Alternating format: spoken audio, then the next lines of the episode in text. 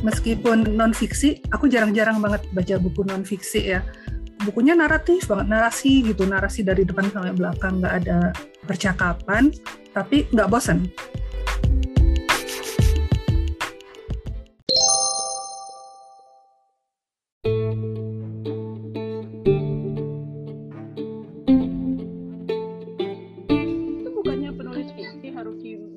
Iya, nah itu dia menariknya. Kemarin tuh aku lihat di toko buku ada buku barunya Ruki Murakami. Terus ternyata dia bukan fiksi, tapi semacam biografi gitu. Ini uh, Abandoning a Cat When I Talk About My Father. Jadi dia cerita tentang bapaknya. Nah dia itu bilang kalau dia tuh sebenarnya pengen nulis tentang bapaknya, sejak bapaknya meninggal cuman dia nggak tahu gimana nulisnya gitu. Karena ya gitulah.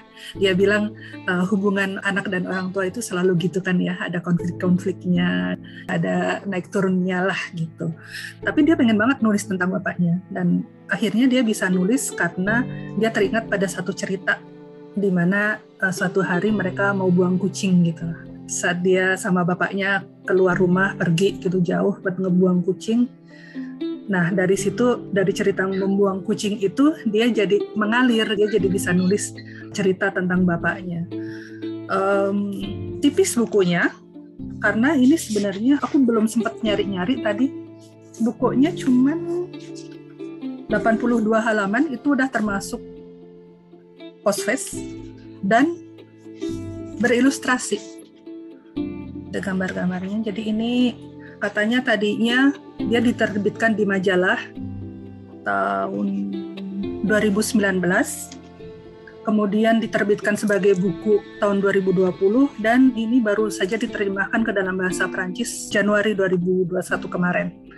Masih baru banget, masih hangat banget gitu ya. Emang pengen beli buku kebetulan ada ini ya udah aku beli ceritanya tentang bapaknya dari masa mudanya sih nggak nggak kecil-kecil banget gitu. Waktu dia masih muda, gimana dia ikut perang dunia pertama, terus uh, bahwa sebenarnya tuh dia tuh nggak harus ikut perang karena dia itu sebenarnya mahasiswa, tapi karena kesalahan formulir gitu, entah kenapa dia nggak tercatat sebagai mahasiswa, jadi dia dipanggil buat ikut perang. Tanya kayak gitu yang pertama, perang dunia pertama. Terus waktu sudah perang dunia pertama selesai pas waktu perang dunia kedua dia udah ikut perang. Udah ikut ke medan perang. Tapi terus sama komandannya dibilang lebih baik kamu jadi mahasiswa aja deh. Jangan ikut perang. Entah kenapa aku nggak ngerti juga. Akhirnya dia dipulangkan gitu. Terus dia ngedaftar lagi jadi mahasiswa belajar lagi kuliah akhirnya jadi kuliah. Dan akhirnya si bapak ini menjadi guru bahasa Jepang jadi guru di sekolah gitu ya gitu sih ceritanya cerita tentang bapaknya tentang perjalanan hidupnya gimana hubungan dengan keluarganya karena dia itu ternyata keluarga apa ya istilahnya apa ya pendeta buat agamanya mereka gitulah. Itu turun temurun gitu loh kepala kuil atau apa gitu itu turun temurun. Jadi harusnya nanti anaknya lagi anaknya lagi gitu. Tapi emang bapaknya ini sebenarnya bukan anak pertama jadi nggak nggak dapat jatah buat jadi itu gitu. Itu ceritanya di situ Terus um, seperti biasa Ruki Murakami itu agak-agak filosofis gitu ya. Uh, jadi dia cerita tentang kalau misalnya ada perenungan gitulah. Kalau misalnya bapaknya dulu ternyata ikut perang dunia kedua dan kebetulan dia jatahnya itu di daerah yang sangat-sangat uh, gawat gitu. Kalau misalnya dia nggak pulang, apakah aku lahir kayak kayak gitulah. Terus kalau misalnya uh, ibunya itu ternyata sebenarnya dia udah punya calon suami, tapi suaminya pergi perang dan dia nggak pulang jadinya dia akhirnya nikah sama bapaknya. Dan dia juga berpikir gitu kalau misalnya ibuku waktu itu uh, calon suaminya uh, masih ada dan dia nikah sama calon suami yang dulu apakah aku bakalan lahir? Kayak kayak gitu. Terus yang aku agak-agak merasa lucu itu bahwa kan ada bagian di mana Jepang itu menjajah Indonesia ya. Dan aku tuh nggak sadar gitu loh bahwa pada saat itu kan kenapa Jepang menjajah Indonesia? Karena dia menang melawan uh, Inggris dan sekutu-sekutunya gitu kan. Dan waktu baca buku ini aku tuh baru nyadar kalau sebenarnya Jepang itu berarti sekutuan sama Jerman ya. Jadi parah banget aku aku cerita gitu kan ke anakku kan. Terus lah terus gimana sih mama? Jadi selama ini nggak nyadar nggak aku nggak nyadar sama sekali gitu loh. Jadi uh, secara tidak langsung kita sempat diduduki sama uh, nasi dan dan teman-temannya gitu kan. Terus jadi ada sejarah di sini yang ya maksudnya agak-agak uh, mengulang lagi lah pelajaran sejarah zaman dulu. Karena aku sendiri juga nggak suka sejarah ya. Nggak suka sejarah. Apalagi yang ngapal-ngapalin gitu aku nggak suka. Jadinya ya ini sih menarik sih menarik bukunya. Meskipun uh, non fiksi aku jarang-jarang banget baca buku non fiksi ya tapi ini bukunya naratif banget narasi gitu narasi dari depan sampai belakang. Nggak ada percakapan cuma ada sesekali ada apa namanya ada haiku jadi puisi-puisi kayak gitu. Tapi nggak bosan aku bisa baca dalam berapa hari ya? Berapa tiga hari kayaknya selesai deh. Tipis sih. Berapa halaman kak Alfi? cuma ada 82 okay. 82 82 itu udah termasuk ilustrasi-ilustrasi gitu. Jadi emang paling berapa ya? Aku belum ngitung sih. Karena aku kalau baca Haru itu nggak pernah selesai ya. Dia tuh dark gitu loh. Kalau yang fiksi. Kalau yang fiksi ya. Dia tuh iya. kayak punya masa lalu yang ditumpahkan lewat cerita. Aku tuh selalu gitu loh. Kalau membaca buku pasti memikirkan penulisnya gitu ini ah. penulis ada masalah apa sih gitu? Waktu ke Haruki Murakami itu juga gitu. Waktu baca tuh kayak yang oh ini kenapa sih nulisnya begini? Gitu. Tapi hmm, jadi kayak agak tidak bisa menikmati karena banyak sisi-sisi gelap yang harus dipahami pembaca. Mungkin tipikal pembaca yang romance nggak mau disakitin gitu. Waktu baca tuh kayak merasa kayak nggak relate gitu cuman aku suka sih kayaknya aku pernah googling gara-gara bukunya dia yang apa tuh aku merasa sakit hati banget waktu baca gitu. Maksudnya sampai senampol itu gitu. Ceritanya tuh kayak saking darknya tuh sampai ke bawah dalam kehidupan nyata gitu. Aku tuh berasa sedihnya depresinya tuh berasa banget. Terus sampai mikir orang ini kenapa ya itu? Terus aku sampai googling ini orang ini pernah punya masalah gitu di dunia.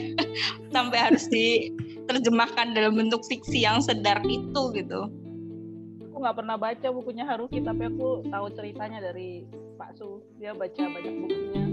Katanya bukunya memang sangat deskriptif gitu dan dia bilang jadi lucu. Aku kan lebih suka nonton kalau soal drama ya itu kan drama kehidupan gitu ya. Dia bilang sebenarnya bukunya Haruki itu kira-kira kayak nonton drama gitu karena dia sangat detail gitu loh menceritakannya dan dia banyak apa ya banyak hal-hal yang bikin kita berpikir tentang kehidupan gitu kan.